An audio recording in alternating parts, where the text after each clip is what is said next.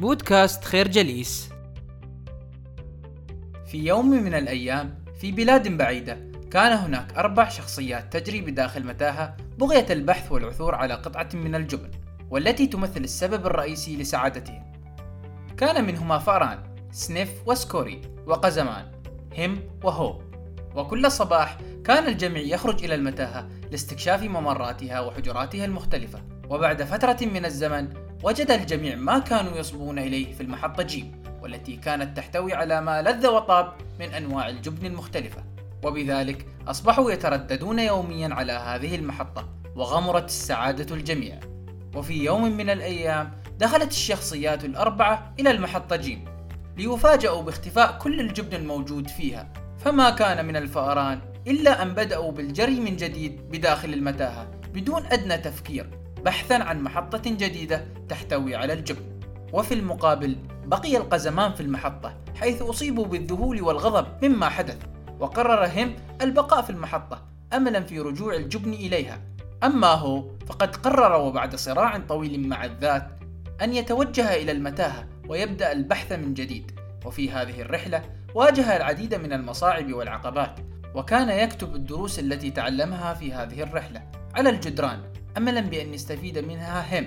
وفي النهاية استطاع أن يصل إلى مبتغاه حيث عثر على جبن جديد في المحطة نون كما أنه وجد صديقيه الفأران قد سبقوه إليها. الفكرة التغير يحدث وقطعة الجبن تتحرك باستمرار. تحتوي هذه القصة على مجموعة من الرموز. فمثلا تمثل قطعة الجبن ما نرغب الحصول عليه في حياتنا. سواء كان مالا أو وظيفة أو علاقة اجتماعية. أما بالنسبة للمتاهة فهي رمز للمكان الذي نبحث فيه عن قطعة الجبن. كالشركة التي نعمل فيها أو المجتمع الذي نعيش فيه. وعندما ننظر للعالم من حولنا نجد أن أحداث هذه القصة تتكرر بشكل مستمر.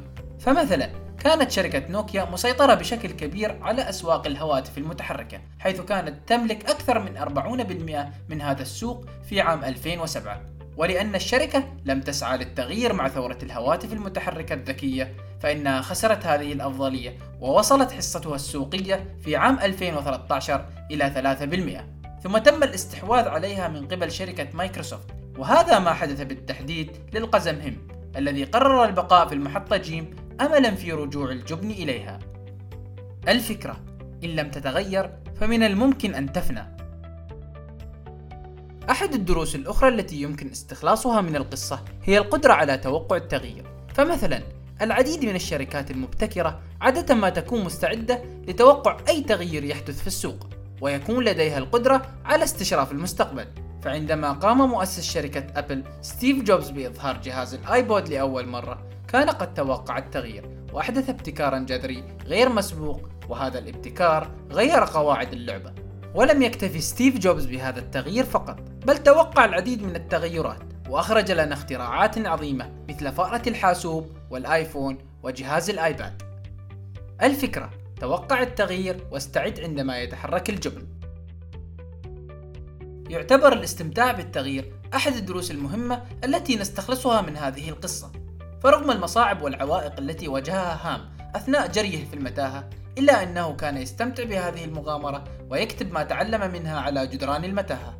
ونجد هذا الدرس جليا في عالم ريادة الأعمال لدى إيلون ماسك الذي يؤمن بشكل غير قابل للنقاش بقدرة البشر على استيطان كوكب المريخ. ولكي يحقق هذا الطموح بدأ مغامرته بدراسة الكتب النظرية التي تناقش الفلك وهندسة الفضاء.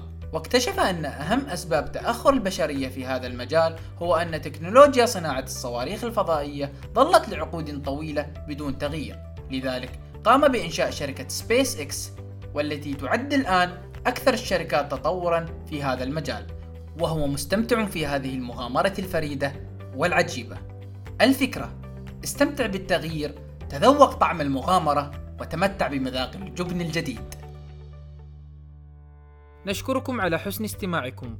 تابعونا على مواقع التواصل الاجتماعي لخير جليس. كما يسرنا الاستماع لآرائكم واقتراحاتكم. ونسعد باشتراككم في البودكاست.